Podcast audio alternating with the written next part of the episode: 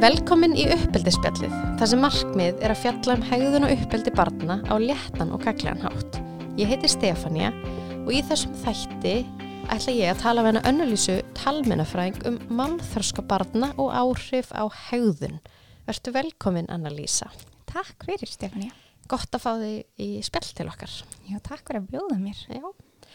Hérna, viltu kannski segja aðeins stöðlega frá þér, svona svo við veitum hver þú ert? Já, endilega. Ég heiti Anna-Lísa og er Benedikt Stóttir. Mm -hmm. Eins og þú sagði þér áðan, réttilega, þá er ég talmennafræðingur. Mm -hmm. Útskrifaðist úr meistarnám í talmennafræði árið 2018. Ok. Síðan þá, þá hef ég verið að vinna sem talmennafræðingur hjá Reykjavíkuborg Mm og þar hef ég unnið á þjónustu miðstöð Já. Þar sem ég sinni í rauninni greiningum og talþjálfun leikskólabarna Ok. á samt því að vera svona ráðgjafa hlutverki við foreldra og starfsfólk leikskólana. Já, já. Ok. Já. Áhugavert hérna og ég hlakka til að heyra meir um það Já, og svona kannski til að byrja með þá hérna hvað er átt við þegar talað um málþroska barna? já, málþroski er nefnilega einn af, megin þroska þáttum barna Ok. og það er okkur mönnunum eðlislægt að læra tungumál Mm og það sýnir sig meðal annars í því að börn á unga aldri þau hefja að mynda orð og setningar en ekki afkvæmi annara dýra. Ok. Þannig eru börnin til dæmis byrjað að hlusta og greina hljóð strax í móðurkviði. Já, maður hefur einmitt heyrt að fólk er að hérna, spila tónlist og svona fyrir börn. Akkurat. Hérna, já. Nákvæmlega og þau, þau hérna, nema líka málhljóðin, það er svo merkilegt. Ok. En tungumáli það byggist á ymsum þáttum og þegar börn læra málið þá þurfa þau að tilenga sér mjög margþætta færni. Já.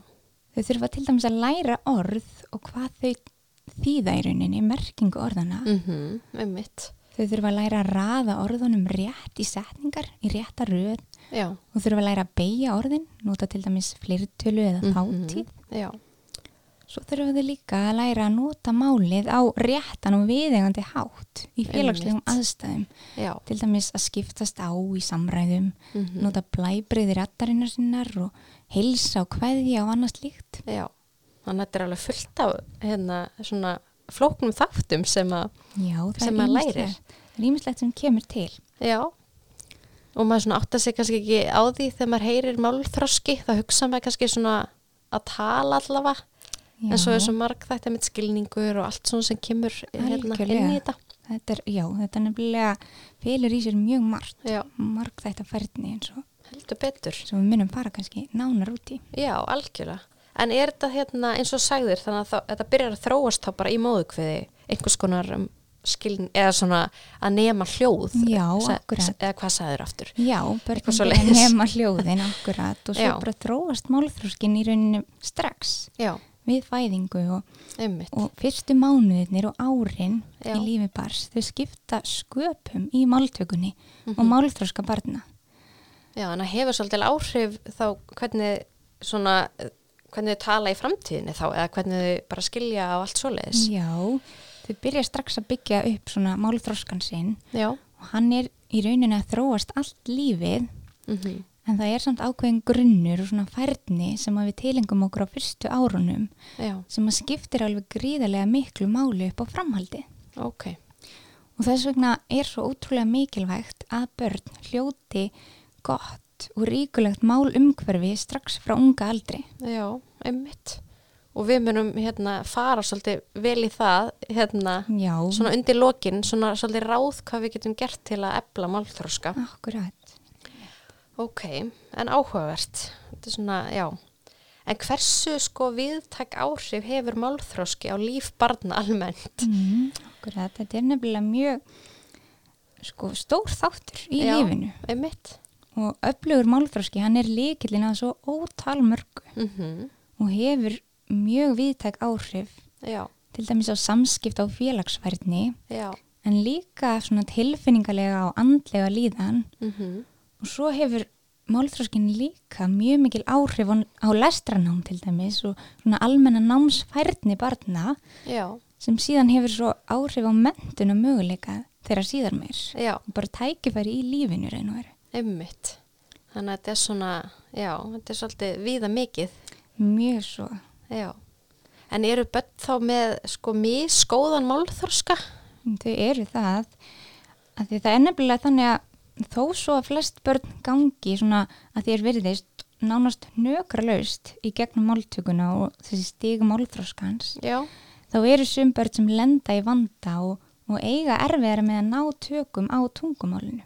Ok, og þessir erfiðleikar þeir geta byrst á mjög margvíslegan hátt. Já. börnin geta til dæmis verið lengur að tilenga sér orðaforða Mm eiga þá erfiðara með að læra ný orð og skilja merkingu orða. Já, Þau geta líka átt erfitt með að skilja fyrirmæli sem þeim eru Mhm. gefin einmitt. eða mynda skiljanlegar setningar Já, með að við jafnaldra til dæmis. já. Og þetta er allt, þetta er svo, hérna, þegar ég hugsa þetta núna, þetta er svo, hérna, mikilvægir þættir í svona bara mannlegum samskiptum og að læra, þegar maður er að læra í skólanum og sam, bara allt saman, sko. Algjörlega, þetta er nefnilega, þetta hefur áhrif svo víða. Já, En þegar barni gengur illa að ná tökum á tungumálinu og þáttum þess, já, þá getur verið að þetta barn sé með málþróskaröskun ok, og hún í rauninni já. felur í sér að barn eða jáfnvel fullorinn einstaklingur Mm á í erfileikum með að tala og eða skilja tungumálið. Ok, og þessi röskun er dölin að því leiti að hún sérst ekkit utan á nei, Börnunum einmitt, akkurat. en, en getur haft svo ótal sko, ótal svona. Hamlandi mörg áhrif. og hamlandi, já, Já. akkurat áhrif á líf þeirra algjörlega. En hvena getur maður sko svona átt að segja á því að, eða greint að eitthvað batt sé með, eða svona sé ekki alveg, maður hefur heyrt að þú veist það er svona einhver tvekja e, ára skoðun og Já, svo, veist, hvena akkurat. kemur það í ljósa að börn kannski er með eitthvað skonar málþroska röskunni eins og það er erfileika bara. já, akkurat það er nefnilega það er í raun hægt að greina mun á málþróska barna strax hjá mjög ungum börnum Já, eins og við töluðum um áðan þá byrjar málþróskin að þróast bara strax í Mhm. upphafi einmitt. og börnin byrja til dæmis að hjala og eiga í svona boðskiptum við fóreldra sína Já, um, svo byrja þau að babla og þetta þróast svona smátt og smátt mm einmitt. en eins og segir þá er oft stuðst við ákveðin svona viðmið Já. og til dæmis má segja að, að hérna, börn við tveggjara aldur séu flest búin að ná valdi á um það byrj 50 orðum. Ok, og þau eru jafnvel farin að tengja tvö orð saman í setningu. Já, og segja þá til, dæmis mamma vinna eða pappi skór eða Já, eitthvað svo já, leiðis akkurat. en ef börnin hafa ekki náð þessum viðmiðum við tveggjara aldur er sagt að þau séu sein til máls. Já, En það þarf þó ekkert endilega að þýða að barni komi til með að vera með málþröskaröskun síðan nei, einmitt. Börn er vissulega mist lengi að tilenga sér málið Mm og það er mjög mikill breytilegi á milli barna á fyrstu mánuðunum og árunum. Já, einmitt. En þegar börn eru sein til mál svo getur það eins og að gefa okkur ákveðna svona vísbendingar og Mhm. bent til veikleika í málþróska. Já, Sum börn eru einfallega bara setni til og ná sér svo strik já, En það er samt talið að um 40% barna sem eru seint til máls Mhm. við tveggjar aldur séu líklega til að greinast með málþróskaröskun síðar meir. ok. Og við þurfum því að bregðast við þessum vísbendingum um vanda Mm í stað þess að býða bara og sjá til. Algjörlega, já. E, hvernig kemur svona misgóður málþroski fram? Hvernig getur við, já, Já, hvernig lítur það út? nákvæmlega, það er góð spurning. Sko veikleikar í málþróska þeir geta byrst á margvíslegan hátt og það getur verið mjög misjamt eftir börnum Mhm. hvernig vandin byrstist Ok, og það er líka þetta misjamt eftir aldri barnana Mhm. hvernig einkennin koma fram. Ok, en til dæmis í leikskóla umhverfinu þá getur við um, þá má segja að svona aðtapnir eins og sögustundir og samverustundir reynist börnum með málþróska vanda svolítið erfilega ofta tíðum ok, hvað, sem börn geta kannski orðið óróleg já, og eiga, eiga svona erfitt með að sitja kýr ok, við skilja einfallega ekki söguna sem er verið að lesa já, eða efnið sem er verið að spjalla um. Ok, En við verðum þó að hafa það í huga að það er ekki bara þessi svona órálegu börn sem að eru trublandi og svona sem Nei, nei. geta verið með málþróskamanda heldur getur það líka, geta það líka verið þægu og stilti börnin já, sem eiga í erfileikum. Sem fer svona lítið fyrir já, og, já, akkurat, horfa kannski bara út í loftið en, en Mhm. sitja samt sem að er stilt og prúð. Já, já, en vita kannski ekki endilega hvað er að gerast e, já, Nei, nákvæmlega og gæti ekki endilega svara spurningum út frá sögunni. Ok, og svörin væri kannski oft svona algjörlega bara úr samhengi við spurninguna. ok. En svo eru þessi börn, þeim er svolítið hægt við að standa svona hjá í leik til dæmis. Já, já, og þau fá kannski alltaf bara að leika hvað hundin eða, eða litla barnið jafnvel Ok. í svona hlutverkaleik. Já. Og það er hægt við því að þau festist í þessum hlutverkum og fái þá ekki sömu tækifæri og aðrir til þess að nota málið og æfa sig. ok, áhugavert Já, þetta gerist nefnilega hugsanlega af því að þau kannski skilja ekkert samtalið Já. sem að börnin eru í eða hafa ekki orðin til að tjá sig, eru Einmitt. bara einfallega orðin og sein til að svara já, já, já, og það er svona ákveðin færni sem að í rauninni fylgur í sér að tjá sig heiklust og vera snöggur að grípa það sem aðrir segja. Já, og þessi færni hún getur haft mjög mikið að segja þegar kemur að félagslegum tengslum til Mhm. dæmis akkurat. og samskiptum já, og ekki hvað síst með svona auknum aldri barna og, og hvaða úlinga. ymmit algjörlega, Þannig að það er svona ímis enginni, til dæmis eiga börn með málþróskavanda oft erfitt með að lesa á milli línana já, og átta sig til dæmis ekkert alltaf á merkingu brandara.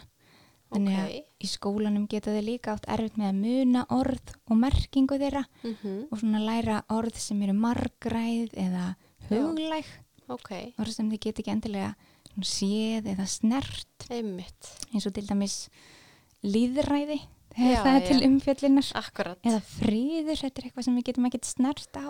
Nei, nei, ymmit maður á bara, eða maður bara veit eða svona, þú veist. en þau geta oft átt mjög erfitt með þetta, þessi börn. Og þau taka hlutunum líka oft eða svona orðunum mjög bókst, bókstaflega. Já, til dæmis þegar mamma segir hoppaði nú í náttfötin. Já, já, já. Þá, þá getur verið að þau, þau heyra bara hoppa, ok, náttföt, ok. Já, það meikar alveg sens þá bara að fara að hop- Já. hoppa. Einmitt. Já, akkurat. Í stað þess að svona ná heildarmerkingunni Já, þetta er mjög áhugavert, þetta er svona eitthvað sem að ég, já, ég get alveg ímynda mér að það sé ekki margir sem veit endilega að þetta sé málþróskuröskun Nei, emmi, þetta getur svona verið vísbending um, um vanda eða svona erfileika í málþróskanum. já, Eins er það líka til dæmis frásagnarhæfni barnana já. Að börn með málþróskaröskun eða vanda erfileika í málþróska mm um, frásagnin þeirra getur ofta tíðum verið svolítið svona óskiplögð og samhengislaus Ok, og fyrir hlustandan getur verið mjög erfitt að halda þræðinum já, og já fylgjast með. Akkurat af því að, já, það vantar svona smá flæði í Já, Já. algjörlega. En við verðum vissulega alltaf að miða við aldur barsins hverju sinni Já, og við getum ekkert gert ráð fyrir að fjögur ára barn til dæmis búi við sömu færni og tíu ára gammalt barn. nei, Við verðum alltaf að miða við svona Já, aldurinn hverju sinni. Akkurat En svo kannski langar mig aðeins að minnast á um, vanda sem getur byrst í til dæmis lestri. Já, Að því að börn með málþróskavanda, þau geta átt erfiðara með að læra að lesa. mm Um, málþróskin er í rauninni grundvalla þáttur lestranáms. já, Lesturinn byggir á tungumálinu og þess vegna er góður málþróski forsenda þess að börn nái árangri í lestrinum. ok Og þegar barn lærir að lesa þá þarf það að átta sig á annars vegar tæknilegu hlið lestrarins mm því vísist þetta að orðin eru samsett úr einhvers konar röð hljóða og þessi, Einmitt þau táknum við með bókstöfum. Þetta er Mhm. svolítið flókið fyrirbæri. Já, En síðan er annar þáttur sem að felur í sér að barnið þarf að geta nýtt sér lesturinn, Mhm. bæði til gags og gamans Já, og það gerir það með því að ná innihaldi textans. einmitt Það reynir nefnilega svo mikið á málskilninginu og börn hafi ríkulegan orðaforða sem er algjör undirstæða lesskilnings. Þetta er, já, Þannig svolítið áhugavert að þetta er líka svona umræði samfélaginu núna Mjög mikið. Svolítið mikið verið að tala um les, uh, skilning og svona Akkurat.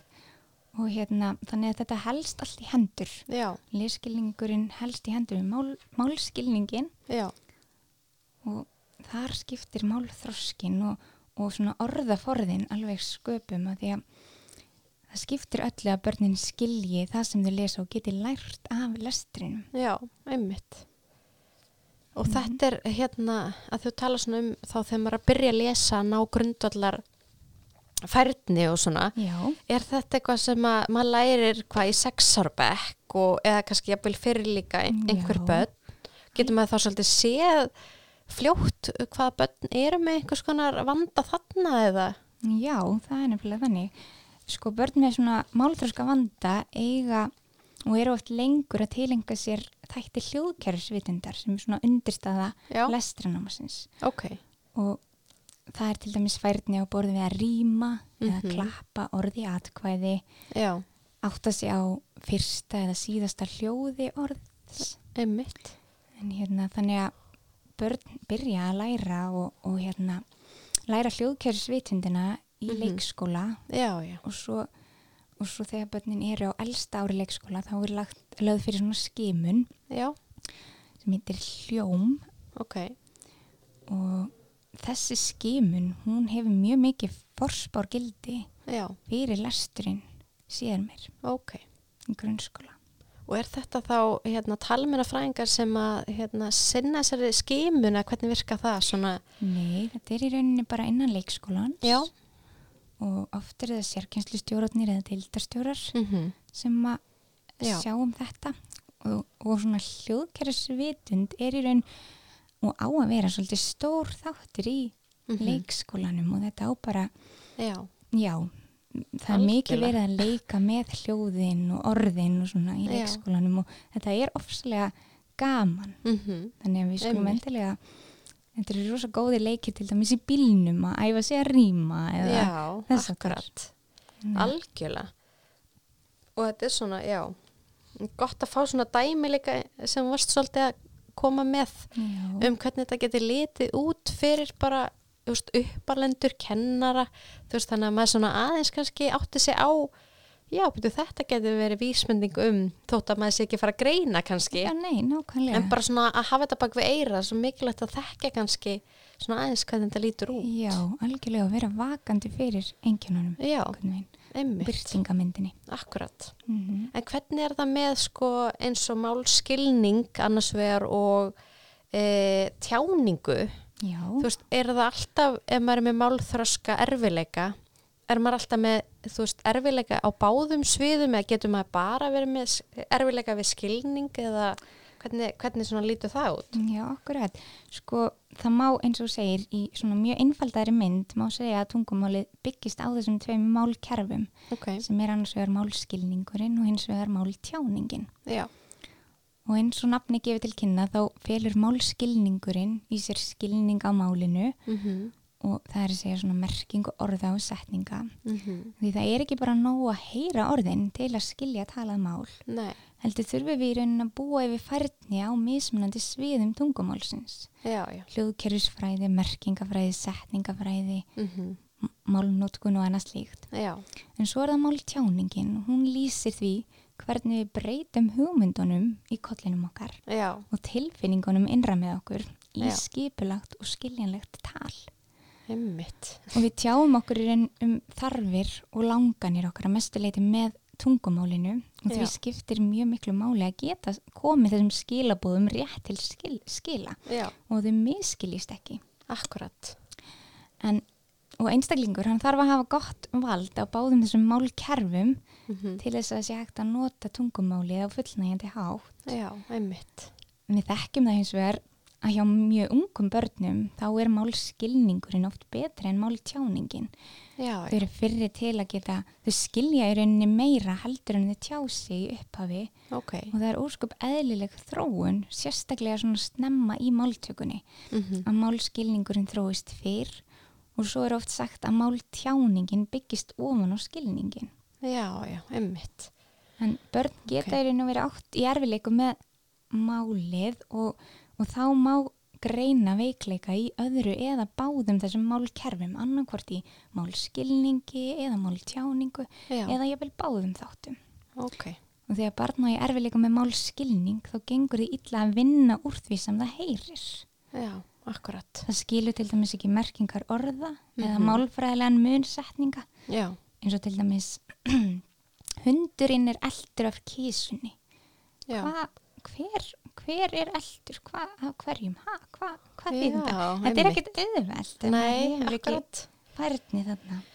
algjörlega hver er í rauninni að elda hvern mm en ef barn á hins verið erfiðleikum með mál tjáningu þá getur það átt erfið með að færa hugstanir sínar í orð -hmm. og gera sér skiljanlegt og veikleikarnir byrtast svolítið svona í einföldum og einhæfum orðaforða eða ófullkominni setningagerð börnin kannski sleppa smá orðum úr Já. setningunni ok, eða hika mikið í tali eða nota hik orð eins og svona mm, mm, sko uh, já. Svona, já, eins og maður gerir oft þegar maður er stressaður já, einmitt, maður stendur sér oft að, að því að vera já, að nota svona alls konar. Einmitt, en þessi börn Orð. nota þetta svolítið mikið og Mhm. þau virðast oft svona vera að leita að orðunum, já, finna þau ekkert alveg þannig að þau taka Nei. sér hennan tíma og eru hikandi og þannig að þetta getur bent til veikleika í máltjáningunni þeirra. Ok og það, sko, það sem voru búin að lýsa ég get ímynda mér að þetta hafi gríðarlega áhrif að því að nú komum við svona að áhrifum á hegðum barna. Að því að ég menna, ef maður getur ekki tjá sig ef maður skilur ekki það sem er í gangi Já. hefur það ekki svolítið mikil áhrif á hegðun barna þá? Jú, óhjákvæmilega. Já, Málþróskin hann getur haft alveg umtalsverð áhrif á hegðun. Já, af því að hegðun er í, er í eðli sínu tjáning og samskipti. Akkurat. Og því er ekkert óeðlilegt að málþróskin hafi þar áhrif. Já, og við þurfum alltaf að skoða hvað liggur að baki hegðuninni. Mm og getur til dæmis verið að barnið skilji einfallega ekki til hvers er ætlast af því. já, einmitt. Ok, þannig að það getur haft svolítið, já. En Já. hvernig svona, já, ég bara spáði, þú veist, getur, getur þetta auki líkur okkur skonar óaskilir hegðun eða hvernig, hve- hvernig svona helst gæti þetta haft áhrif á hegðun? Já, sko, við getum rétt svo ímyndað okkur að þegar samskipta leiðirnar er ekkert alveg greiðar, -hmm. þá má í raun segja að líkurnar á óæskilegri hegðun aukist. Já, Ef að barn skilur til dæmis ekki fyrirmæli sem Já. því eru gefin, mm þá auðvitað fylgir það þeim ekki. akkurat. Og eins líka ef barn næri ekki að tjá þarfir sínar eða langanir, Mm þá getur það eðlilega leitt til pyrrings eða jafnvel reyði Já. innra með börnunum. Einmitt. Og það hefur lengi vel verið talið að skapofsaköst, Mhm. svona tantrum hjá börnum, Já, komi í meira mæli fram hjá ungum börnum sem eru með senkaðan já. og þar hafa áhrif máltjáningarinnar, hvernig þau tjá sig, Já. helst verið skoðuð. Mm Og það er til dæmis ný rannsókn sem sýnir okkur að börn sem eru sein til máls um og upp úr tveggjar aldri, Já, þau eru mun líklari til að sína alvarleg skapofsaköst en börn með til dæmis dæmigerðan málþróska. ok. Og með því er átt við að skapofsaköstin eru tíðari og ofsafengnari, Já. koma jafnvel bara upp úr þurru, Mm tengjast ekkert endilega svona eðlilegum kringumstæðum Ok. eða þörfum barsins eins og svengd eða breytu. Ok. Og þess vegna getur málþróskin haft áhrif strax á hegðun svona lítil að kríla, Mhm. strax, á, strax á fyrstu árunum. Já, En þegar börnin eldast og þroskast þá getur málþróska vandin haft ennþá meiri og viðtækari áhrif á líf barna. já, Og það er í raun fjölmarkar rannsónir sem hafa sínt fram á tengsl málþróska vanda við hegðunar og tilfinningavanda hjá börnum og úlingum. Þannig að við getum rétt ímyndað okkur bara hvernig það er að upplifa sig jafnvel frá unga aldri alltaf svolítið á skjön við Já. aðra. Einmitt. Vera jafnvel álitin óþekk Já, akkurat. að því við förum ekki eftir fyrirmælum Já. eða hreinlega bara vitlaus af því að við náum ekki að læra námsefnið. Mm Við náum kannski ekki að halda í við hraðan í samskiptum jafnaldrana og erum þá ekki nú snögg að svara eða koma með einhver nýttin tilsvör. Einmitt. Þetta hefur. Óhjákvæmilega mikil áhrif. Mhm. og Einmitt. þess vegna er börn með slaka málega hæfni svona og mun líklegri til að upplifa tilfinningavanda á borðið til dæmis þunglindi og kvíða Ok. geta átt að til að dragast til tilbaka eða jafnvel einangra sig Já. og þau geta líka sínt svona hegðunavanda eins og ADHD eða og, Mm og augrandi hegðun Já, þannig að þetta helst allt í hendur akkurat. og já, þetta bara sýnir hvað málþróskning getur og lærir Já. sér inn Algjörlega, ég, þetta er alveg svaka að því að nú hérna verð ég líka svona spáði hvað þættir sem tengjast málþröskanum geta hamla barninu í samskiptum Já. og einmitt, þú ert búin að fara svolítið í það Já, við erum búin að tala svolítið um þess að tvo megin þætti sem Já. eru þá málskilningurinn og máltjáningin mm -hmm.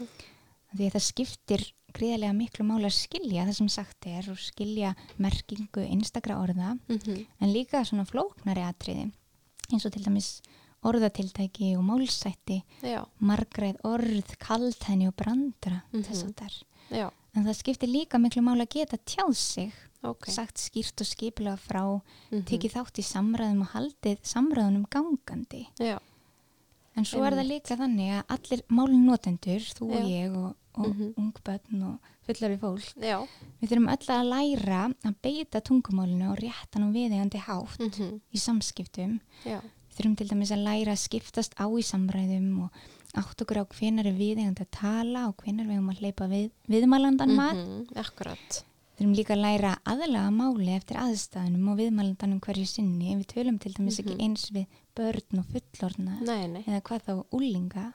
Akkurat Já, maður breytir alveg Já, Svona akkurat. sérstaklega með að tala við lítið börn.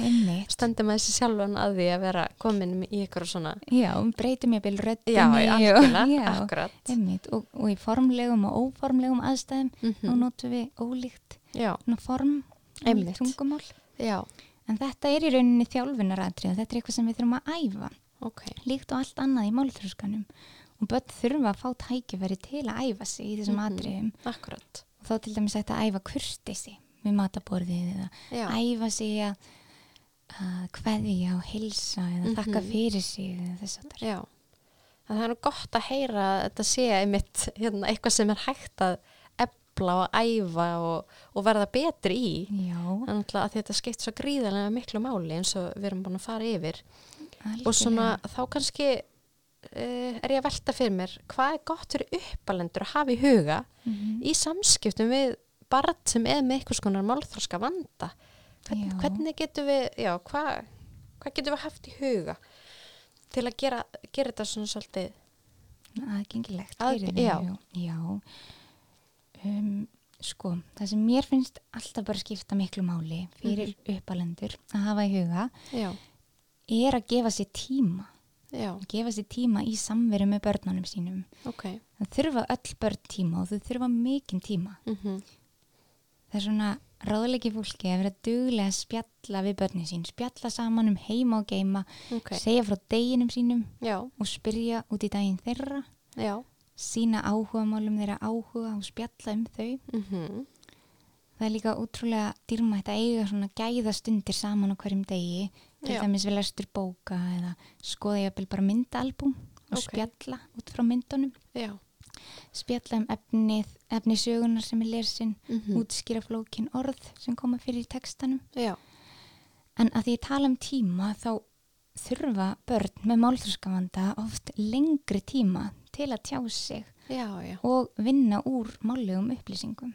ok Þau þurfa líka meiri endutekningu og, og þurfa að heyra ný orð mun oftar til Ok. að læra þau heldur en börn með dæmigerðan málþróska. já, já, ok Þannig að það sem ég ráðileg Já. uppalendum að gera er að Mhm. gefa börnunum þann, þann tíma sem þau þurfa.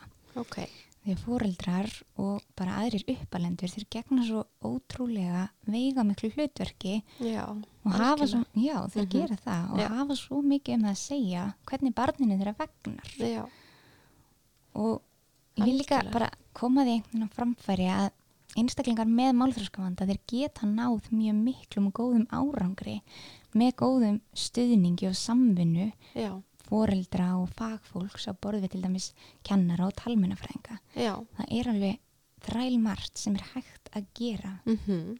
Það er einmitt að koma því svona hérna, er ekki alveg einmitt góðar hérna, líkur á að þóttu séu með einhvers konar erfileika í málþorska að, að bæta sig og verða svolítið betri einmitt. það er gott að heyra að það sé, að það sé málið algjörlega. en hvernig getum við þá gert svolítið hérna, umhverfi þannig hvernig getum við hérna, skapað aðstæður uh, fyrir börn sem eru með einhvers konar málþorska vanda eða já, gert svona svolítið Já, emmi. ákjósanlegar aðstæður, Já. bæði heima þú veist, hérna, heimi um afa, frænka frænda hana, mm og svo í skólaumkörnu líka.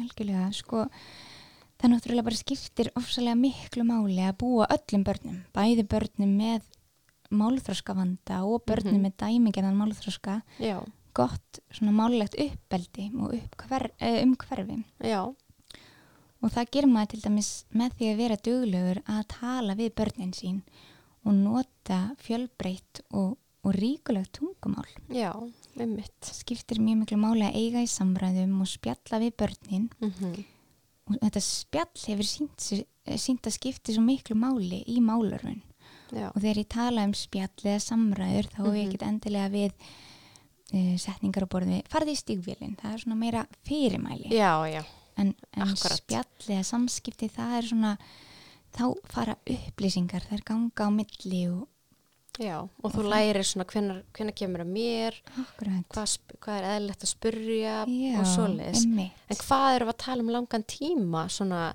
nú náttúrulega eru, hefur fólk mjög margt, þú veist, að gera í lífinu og svona, Mhm. þannig að maður hugsar, hvað getur verið gott viðmið að, veist, að eiga svona samræður kannski, ef maður myndi vilja hafa daglega, einhvers Já. konar spjall. Einmitt, akkurat.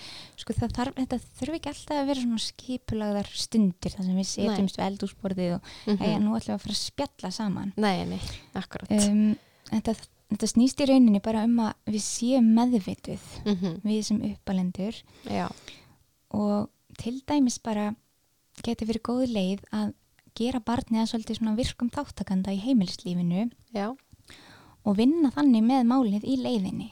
ok, til dæmis bara að leifa barninu að vera með í eldúsinu þegar við erum að elda matinn. mm, Þá er, þá er hægt að nýta tækifærið og spjalla um til dæmis áhöldin sem við notum með eldamennskuna. já, Að við steikjum fiskin í pönnu en svo sjóðum við kartablinar í potti akkurat. og, og það er til dæmis hægt að fá börnin til að leggja borðið. Mm Þá erum við að þjálfa alls konar atriði þegar við bendum þeim á að leggja diskin ofan á borðið og Mhm. setja hnífapurinn við hliðina og glasi fyrir ofan og Akkurat. stólinn undir borð.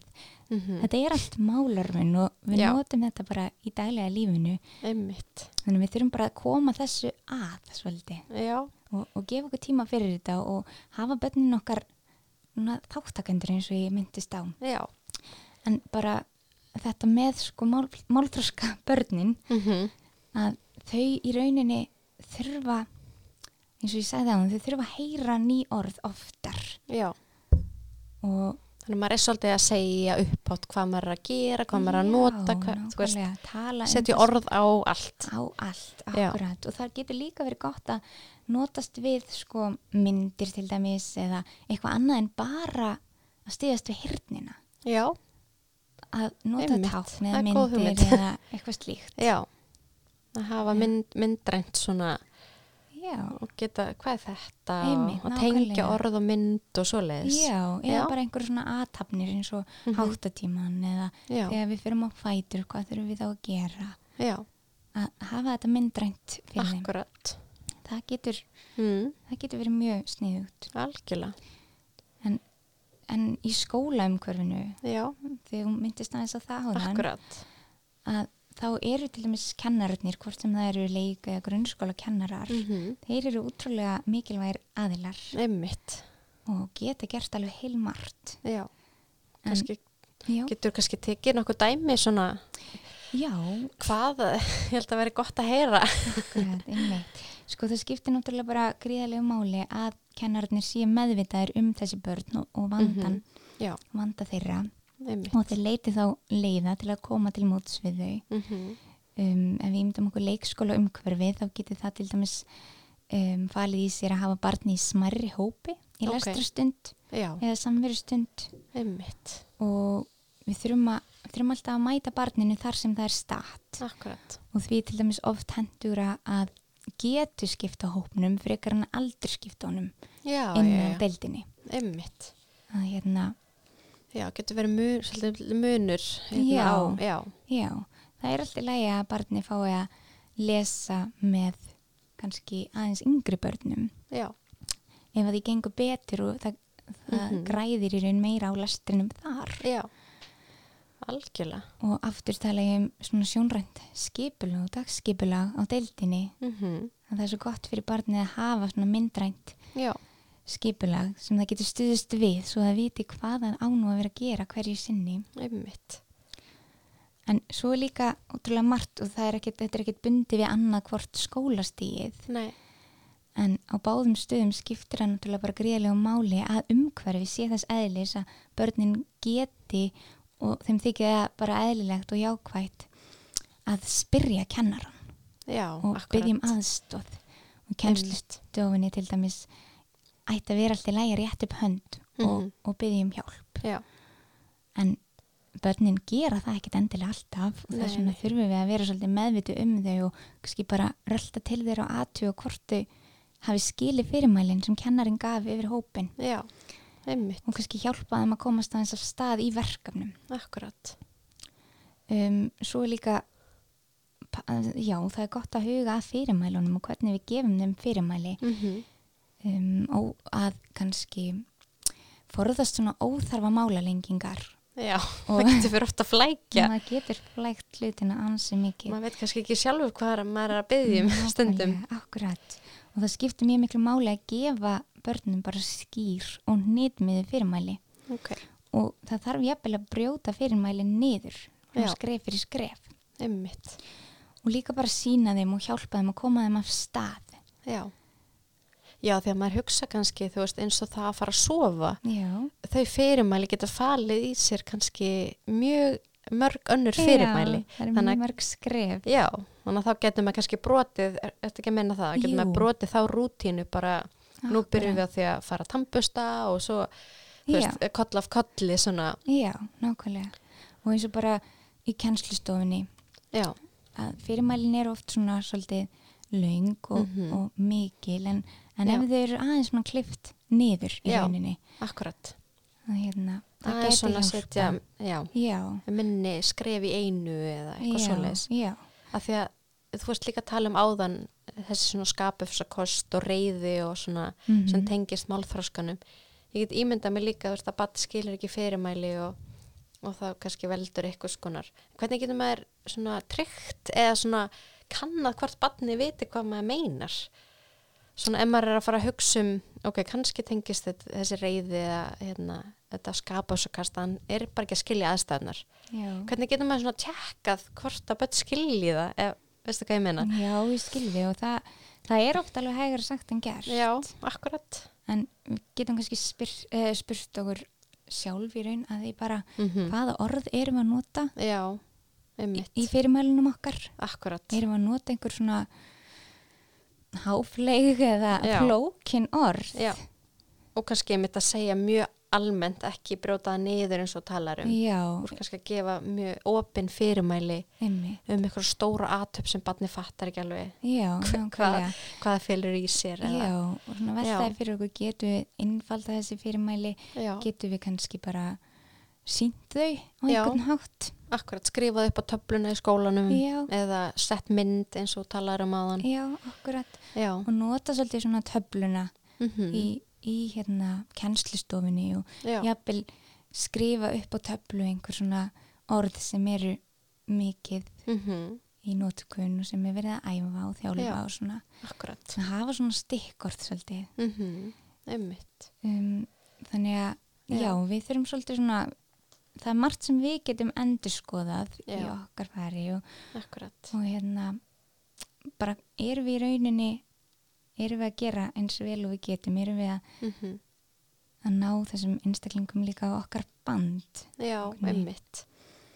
Algjörlega, hérna- þegar getur verið eh, svona erfitt fyrir börn sem skil ekki og þau verða kannski um já, og þá kannski myndast eitthvað svona já. hann nennir ekki að, barnið, nennir ekki að tala við þig Já. eða kannski og einmitt þetta sem ég myndist á áðan við verðum alltaf að skoða í raun hvað leiðir til hegðunarinnar Já, einmitt.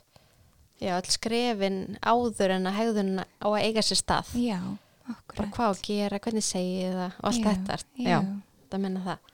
en svo líka bara finnst mér skipta svo ótrúlega miklu máli til dæmis fyrir börn og skólaaldri Mm að það sé gott samstarf á milli kennaranna og foreldra. Já, af því að þetta eru stuðningsaðilar barnana akkurat.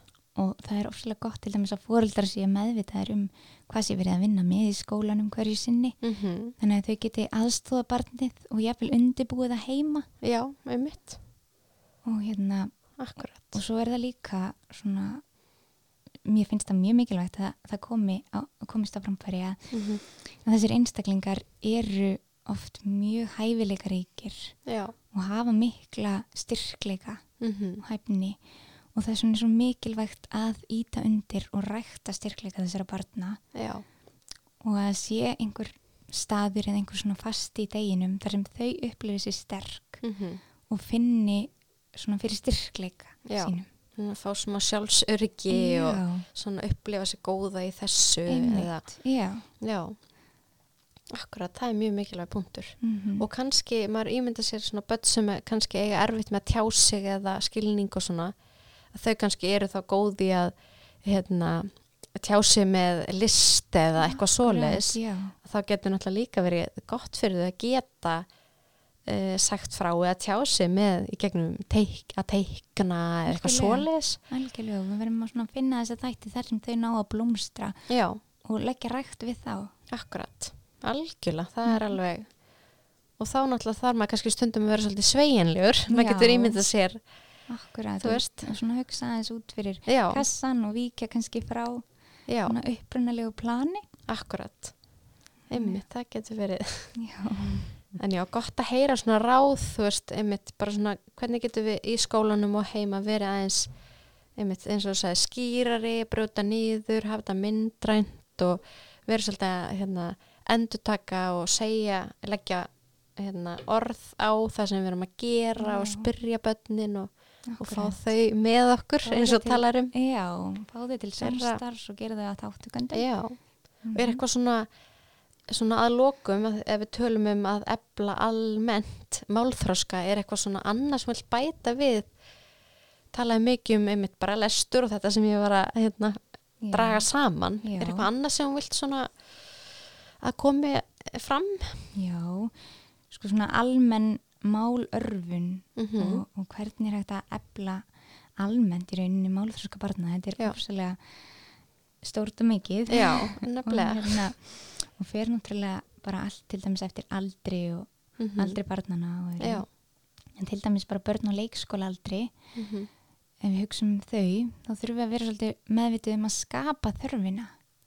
Um, skapa þörf hjá þeim til að tjá sig og eiga bóðskipti mhm, og við þurfum að gefa þeim orð fyrir það sem þau sjá og upplifa. Já, hvetja þau svo til að nota þessi orð í staðins bara Mhm. að benda að tóa okkur að hlutunum og nota orðin sín og byggja þau um að Að segja. nota, Já. já, akkurat Ok. ef, við, ef við tóa okkur að ískapnum og vilja fá að drekka og Mhm. gefa þeim þó val hvað Já. viltu drekka, viltu vatn eða viltu mjólk mhm, og við þurfum náttúrulega bara að vera mjög duglega að tala við börnin og leggja orð á hluti og aðtapnir eins og Mhm. við höfum rætt já að tala um það sem við gerum og það sem þau eru að gera mhm, fylgja frumkvæði þeirra og áhuga barnana og, og tala um það sem þau já, í raun það sem þau sína áhuga. Mhm, ef við benda til dæmis á bíl eða já, segja bíl eða segja burri eða hvað nú er Mhm, já. að, þá tökum við þeirri tjáningu fagnandi og bætum svo ofan á hana ok. og segjum kannski já, þetta er bíl, þetta er nú flottur bíl mhm, bílinn er stór. Sjáðu, bílinn er rauður. Já, já, stóri rauði bílinn keirir hratt. Mhm. þannig erum, erum við í rauninni bara að taka þeirra. Já, að byggja ofan á tjáninguna þeirra. Einmitt. En svo er náttúrulega bara svo mikilvægt að, að eða tíma með börnunum eins og ég akkurat. minnst á að Já. leika við þau og syngja fyrir þau og með þeim. Mhm. og eiga gæða stundir til dæmis við lestur bóka já, fara líka á bókasafnið einmitt. og upplifa þann ævindra heim akkurat. sem að er þar og er maður þá, þú veist, á maður þá bæði að vera að lesa fyrir börnin og að lefa þeim að lesa eða er það bara svona bæði jafn gott? Já, sko, það fyrir náttúrulega bara eftir hvað, hvar börnin stödd algjörlega. í rauninni en, en hérna, við lesum vissulega fyrir ungbörn og við lesum alltaf fyrir börn sama þótt þessu orðin komin í grunnskóla. Mm, Þa- þá er svo þá heldur maður áfram að lesa maður heldur áfram að lesa börnin þau læra og komast í kynni við orð í lestrinum og bókunum sem að þau heyra ekkit endilega í, í svona daglegu tali. Nei, við notum í raun mun takmarkaðri orðaborða Mhm. í tali heldur en við gerum í ritun til dæmis og, Já, já, rituðu máli. Einmitt. þannig að barni læri til dæmis að piltur því, því er það sama á strákur. Mm Já, Eða- maður nota það kannski ekkit í dagli tala já, og það lærir kannski mm, að úrhelli eða demba og úði mhm, það lærir þessi orði í stað, stað þess að heyra alltaf bara rigning eða mikil rigning já, mjög mikil rigning. já, mjög mikil rigning í dag Akkurat. þannig, Já, að- já. þannig að við þurfum í raun og til þess að börnin læri af bókunum og Mm. lestinum þá þurfum við að vera svolítið duglega svona staldra við og, og útskýra þessi flóknu orð eða nýju orð og, Mhm. og orð, orðatiltæki í rauninni sem koma fyrir oft í bókunum. Já, því að markmiðið er ekkit endilega að klára bókina í einum nei. heldur er markmiðið með lestrinum að fá sem mest út úr honum og hveti til samræðna og, og svona Mhm. nýta hann til að örfa mál barnana Já, stoppa og svona, "Ó, hvað þetta? og tala Akkurat, svolítið um það. spjalla, Og, einmitt, ná þessu svona spjalli í gang. Já, og af því þú talaðir um að láta börnin lesa já, þá eiga þau það oft til að vilja alltaf velja sér sömu bókina aftur og aftur. Mhm, hvað er svona uppáhaldsbók. uppáhaldsbók og vilja bara heyra hana aftur og aftur, Já, aftur. já, og hérna það er bara mjög eðlilegt og, og hérna börnin hafa gaman að því þótt að Mhm. við fullina fólki verðum kannski svolítið þreytt stundum. Akkurat, en hérna það að heyra bókina og sömu sögu sagði það aftur og aftur það dýfkar bara skilning barnana á sögunni. Ok, og þegar þau eru farin að kunna söguna svona vel þá Mhm. er líka bara hægt að skipta um hlutverk ok, og setja barnið í, í hérna, það hlutverk að segja söguna já, og einmitt. þá getur það jafnvel barn sem er ekkert farið að læra að lesa það Mhm. bara segir söguna út frá myndunum Já, hérna það er góð hugmynd. já, þetta þjálfar þau svona í frásagn, frásagn og frásagnar hefni Já, að segja frá einmitt. Og þegar við töluðum aðeins um lesturinn áðan líka þegar börn læra sjálf að fara að lesa að þá er hægt að styðja við það með því að leika sér svolítið með hljóðin og með orð. Mm og að æfa börnin til dæmis í að rýma og að klappa orði atkvæði.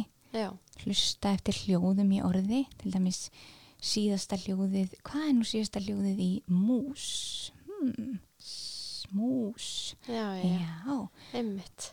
Og við setjum líka saman orð og tökum þau sundur til dæmis skóli og taska. Hvað gerist ef við setja saman? Mm það eru skólataska -hmm. en ef tek nú skóli í burtu hvað stendur þú eftir? Já, að leika sér svolítið svona Leika með, sér með orðin. einmitt, máli, já. Og hérna það er svo auðvelt og það er svo skemmtilegt að gera þetta, maður þarf ekki að setja Mhm. þessi einhverja sérstakar stellingar nei, einmitt. heldur er bara hægt að leika sér með þetta í bílnum og leiðinni heim eða Já, í baði eða eitthvað slíkt algjörlega. og hérna. Og maður hugsar, þú veist, þú veist, eru kannski til ykkur spil eða getur maður kannski bara gert þetta heima sjálfur? algjörlega maður, veist, já, maður gerir þetta heima já, og maður gerir þetta dagstæglega og maður gerir Mhm. þetta á þess að átta sig endilega á því já, já, einmitt. Já, og líka bara, einmitt, þegar maður er að spila, það eru fjölmörg spil sem að þjálfa Já, er það ekki? Það er svona, Jú, akkurat. algjörlega og svo bara hægt að nýta hvaða spil sem er Mm í svona samræður og allar samveru stundir að nýta þær sem allra best. Akkurat.